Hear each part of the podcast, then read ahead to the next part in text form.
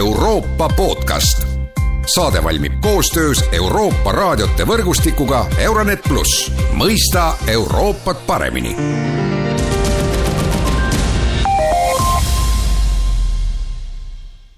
tere taas kuulama Euroopa podcasti. jällegi on maailma tähelepanu keskmes Ukraina, räägime Hersoni vabanemisest, aga alustama peame värske uudisega Poola kukkunud raketist. Stuudios on julgeolekuekspert Rainer Saks, tere päevast! tere päevast! mina olen Erkki Pahovski. no see rakett nüüd, et siin on tulnud ju väga vastuolulisi teateid, eile õhtul, kui see teade tuli, et Poola on kukkunud rakett ja surma on saanud kaks inimest, siis esialgu paistis, et äh, selle raketi laskjaks oli Venemaa, aga tänaseks äh, on äh, selgunud, et laskjaks võis olla hoopis Ukraina ja tegemist oli õhutõrjeraketiga, mis siis jälitas seda Venemaa raketti, et Rainer Saks, et mida sina oskad se-, selle esialgse info põhjal öelda? ega ma väga palju rohkem ei oskagi, see, see, see esialgne info tundus äh, selline üsna kindlas kõneviisis esitatud, aga no poolakate kiituseks tuleb siis öelda või tunnustuseks seda, et nad eh, suutsid nagu võtta rahulikult asja niimoodi hakata päriselt uurima seda paanikasse ei sattunud. paanikasse ei sattunud, üle ei reageerinud, eh, et ei läinud nagu siis sellise rapsimise teed ja no nüüd nad ja tõepoolest juba siin öösel tekkisid eh, noh, mingisugused kahtlused, et kas see ikka tingimata oli Vene rakett nagu nii-öelda Venemaa poolt välja tulistatud rakett, sest Vene toodetud rakett on igal juhul. aga siin on veel kõik versioonid on nagu võimalikud, et äh, üks, milles vist nad on kindlad, on see, et see ei olnud sihilikult Poola pihta tulistatud. no NATO, et äh, kas äh, NATO käitumine seni on olnud sinu arvates adekvaatne ja mida NATO peaks üldse selles olukorras tegema noh, ilmselt esmane ülesanne on ikkagi välja selgitada, et kellelt ja kust see rakett pärit oli? jah, kindlasti NATO näitas, et ta on ärkvel, äh, ehk selles mõttes, et ta nägi toimuvat, no see juhtus tegelikult küll päevasel ajal juba eile, et viisteist kolmkümmend vist oli see kellaaeg. aga siis Kesk-Euroopa järgi, meie järgi natuke hiljem, tund aega, aga ma ütleks niimoodi, et need Stoltenberg, NATO peasekretär, ja on öelnud nagu väga selgelt ja kiiresti ja siin nagu terve rida riigipäid ka, aga et nagu võib-olla nagu täna ootaks mingisugust nagu selgemat sõnumit, kui Poola küsis neid artikkel nelja konsultatsioone, need ilmselt ka toimuvad, siis ootaks nagu midagi konkreetsemat, et peale selle, et toodetakse äh, Poolat noh, mingis mõttes on ju ka test NATO-le, eks ole, et meie peame jälgima siin, kes me loodame NATO abile ja meie julgeolekupoliitika põhineb äh, NATO kaitsel, meie jälgime siin, kuidas äh, NATO käitub selles olukorras, aga, aga kindlasti jälgivad äh, väga tähelepanelikult seda ka Soome ja Rootsi, kellest peatselt saavad NATO liikmed mm,? Ma arvan, et noh, Soome-Rootsi küsimus on siin võib-olla isegi äh, noh, mitte nii oluline, kuivõrd nagu see NATO usutavus tervikuna, et aga ega Soome-Rootsi oma otsust ei muuda, sest ega nende ühinemine NATO-ga on tingitud ainult ühest väga lihtsast põhjusest, eks ju, NATO tuumaheidutusest, mida neil ei ole võimalik kahepoolselt mitte kusagilt saada, mis tagab nagu selle, et, et jäävad ära nagu sellised testivad rünnakud, eks ju, nende riikide vastu ja no nüüd Poola puhul, eks ju, algusest peale oli selge, et, et noh, see on niisugune piiripealne kaasus, selle raketi allakukkumine, et ta ei olnud nagu selgelt nagu sihtmärgile saadetud rakett nagu Poola territooriumil, no selle tõttu võib-olla ka nüüd on tekkinud nagu sellisem natukene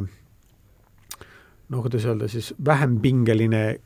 keskkond nagu selle küsimuse arutamiseks, et ei ole vaja seal vastata mingite kiirete sõjaliste meetmetega, kuna Venemaa ei ole noh, nagu selles mõttes eskaleerinud mitte ühtegi teist elementi, eks ju, ühegi NATO liikmesriigi suunas, aga ma ikkagi loodan, et nüüd nagu see kokkuvõttes nagu see sõnum tuleb nagu selline, mis ei jäta nagu tõlgendamisruumi. no räägime Hersonist ka, et see oli meie saate esialgne eesmärk, aga siis äh, tuli see raketilugu vahele, Venemaa on taganenud Hersonist ja maailm võis vaadata selliseid juubeldavaid videosi sellest siis, kuidas Ukraina väed sisenevad linna ja kuidas elanikud neid vastu võtavad ja kuidas sina iseloomustaksid Hersoni tagasisaamist, et kas see on ukrainlaste seni suurim võit selles sõjas, kas seda saab nimetada pöördepunktina sõjas mingisuguse noh, peamise sündmusena või, või oleme, või on see ikkagi selline enneaegne tarkus? eks seda saab hinnata peale sõja lõppu, mis see pöördepunkt oli nüüd täpselt, on ju, et ja, ja kuidas seda pöördepunkti üldse hinnata, ma ütleksin, et Hersoni vabastamine on erakordselt oluline just nagu psühholoogilises poliitilises plaanis sõjalises plaanis ta midagi nagu ülemäära, noh, ta on tähtis, kahtlemata ma ei, üldse ei taha midagi öelda, aga ta, ta oli nagu otsustatud juba siin mõni kuu tagasi. nagu selles mõttes, et oli näha, et Venemaa ei suuda Dnepri läänekaldal pikalt püsima jääda, on selge, et ta taandub sealt või ta peab sealt lahkuma, välja arvatud juhul, kui ta noh, vaatab lihtsalt pealt, kuidas tema, tema sõdurid seal nagu maha notitakse, on ju. aga ma ütleks, et selle sõja pöördepunkt olid pigem kui see sõda lõpeb Ukrainale edukalt, siis olid need Kiievi lahingud, mille käigus Venemaa esimest korda pidi taganema ja see murdis psühholoogia ja, ja see oli ka tegelikult esimene väga suur kaotus Vene vägedele nii materiaalses inimplaanis kui ka nagu poliitilises plaanis, ja sealt peale on Ukraina kätte see initsiatiiv nagu jäänud nagu laias laastus. väikeste äh, väikeste nii-öelda võib-olla võngetega, aga, aga ma ikkagi nagu arvan, et praegu see, mis toimub, on lihtsalt nagu nagu demonstratsioon sellest, et noh, Vene üksustel võime Ukrainat vallutada, noh, puudub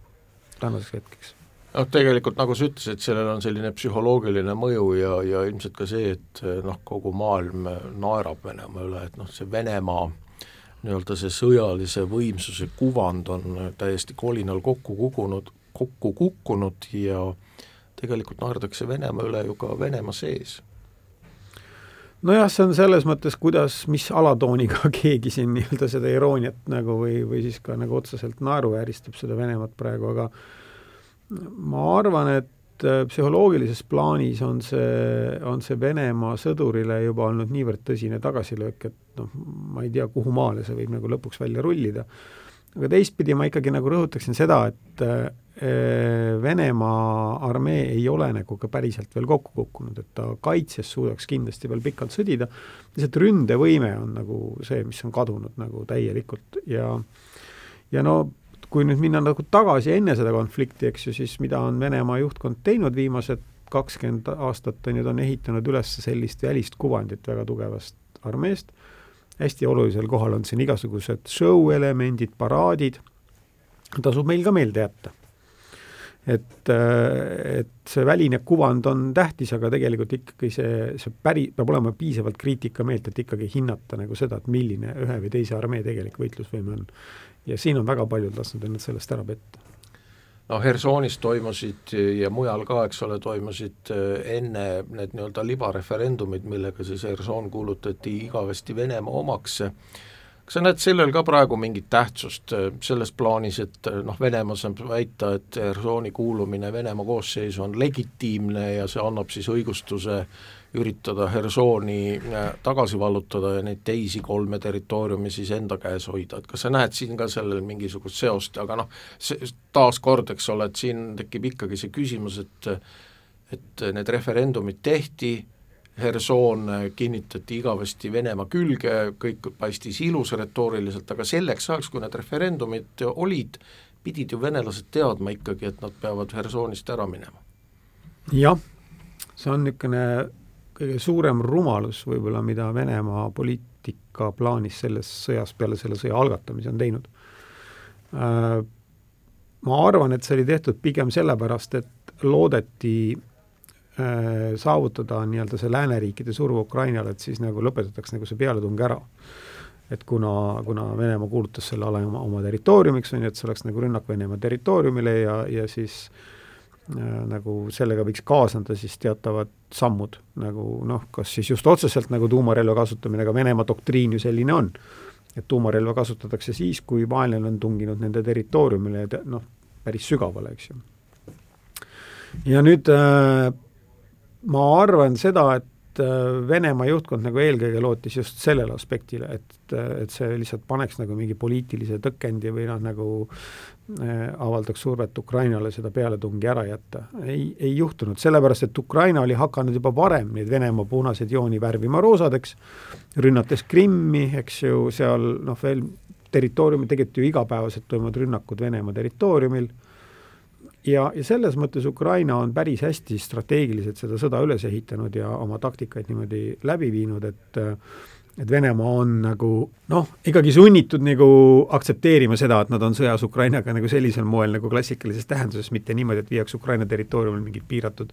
piiratud operatsiooni läbi. Ja, ja mis puudutab rahvusvahelise õiguse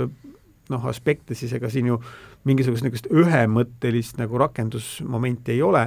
et rahvusvahelise õiguse kehtivuse tagavad kaks asja, et on piisav aeg või siis rahvusvahelise kogukonna noh, nii-öelda tunnustus, seda Venemaa kindlasti ei saavuta Ukraina puhul mitte kelleltki. mis sa arvad, mida talv võiks tuua, et kas äh, need äh, lahingud kuidagi raugevad äh, või üritab Ukraina edasi tungida? Seda on väga raske praegu öelda, et see sõltub pigem nagu sellest, et kuidas, kui värsked neil need väed on ja, ja kui võimelised nad on. Ukrainat kindlasti talv kui selline ei peata, nad on juba eelmine talv ju tegelikult veebruar-märts olid ju väga niisugused lumised ja ja nagu miinuskraadidega ja sealt ju Venemaa need probleemid ju algasid ka, et nad ei suutnud oma väge ju talveks nagu korralikult varustada. arvata võib, et see talv on nad veel kehvemas seisus ja Ukraina juba näitas, et nad suudavad talvetingimustes sõdida küll ja veel, nii et mina arvan, et Ukrainat see talv nüüd nagu otseselt ei peata, aga, aga kindlasti ta operatsioonide intensiivsust äh, viib alla, et seda küll, et noh, ilmastikutingimused on keerulisemad ja nii suures ulatuses nagu nüüd nagu terve see lääne, läänekalda tagasivõtmine siin nagu laiaulatusliku operatsiooniga tohutul alal, no seda võib-olla tõesti on, on raskem ette arvata kuidas sa kommenteerid neid eh, nii-öelda rahukõnelusi, et siin Türgis kohtusid siis Vene ja USA julgeolekuteenistuse juhid eh, ja noh, sellele oli eelnenud siis Washington Posti artikkel sellest, kuidas eh, Ameerika üritaks justkui Ukrainale survet avaldada, et mingisuguse vaherahuni jõutakse, et kas see on selline nii-öelda spinn, et anda edasi mingisugust sõnumit või peavad siis Venemaa ja USA tõepoolest neid rahukõnelusi? ei, nad ei pea rahukõnelusi, vaid nad, nad üritavad äh, luua kontakte selleks, et vältida selle konflikti väljumist Ukraina piiridest ja eskaleerumist nagu kontrollimatult, noh siin see Poolas juhtunud intsident on nagu noh, väga hea näide selle kohta, et juhuslikud sündmused võivad tekitada siin hoopis mingit nagu laiema äh, laiema sõjalise konflikti ja see tegelikult ei ole ei Venemaa huvides praegu ega, ega kindlasti ka mitte teiste riikide ega lääneriikide huvides. nii et ma arvan, et need kontaktid ei ole iseenesest nagu halvad, tähtis on see, mida seal kõneletakse ja ma nagu väga olen vastu nendele, kes räägivad nagu, et üldse ei tohiks olla mingeid kontakte, et see tegelikult nagu ei ole ratsionaalne kaasaegses maailmas, aga tähtis on see, et nendel kohtumistel äh, aetakse õiget asja, et kui USA on nagu välja öelnud, et toetab Ukraina territoriaalset terviklikkust ja on valmis Ukrainat toetama niikaua, kuni Ukraina on selle suutnud uuesti saavutada, siis selge on see, et USA peab nagu sellest lähtuvalt kõik oma tegevused korraldama. kui siin on nagu tegemist mingi kahepalgelise lähenemisega, on see väga halb ja tuleviku jaoks äh, see kindlasti midagi head sellisel juhul ei too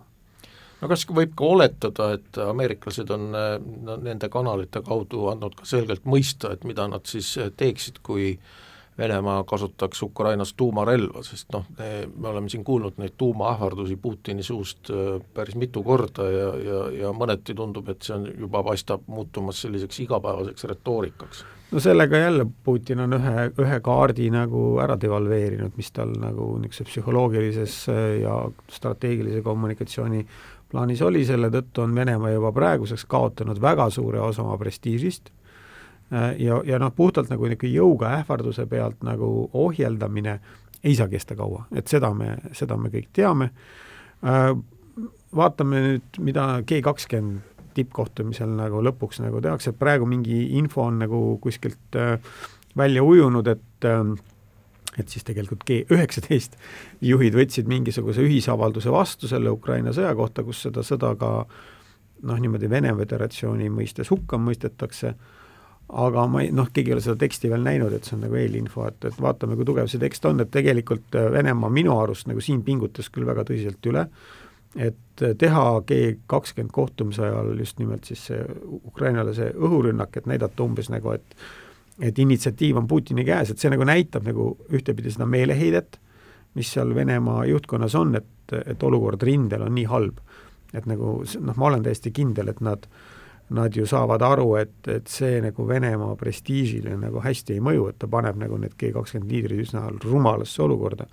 aga see, see soov näidata, et nad kontrollivad olukorda, nagu ruulib siin üle või, või nagu või nagu on siis nagu ülekaalus ja, ja see lihtsalt näitab seda, et tavaväed on nii halvas olukorras ja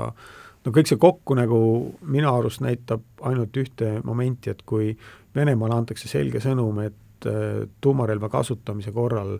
rünnatakse või, või noh, niimoodi Venemaa saab karistatud kuidagi väga selgel, tõsisel moel, siis, siis Venemaal ju praegu ei ole isegi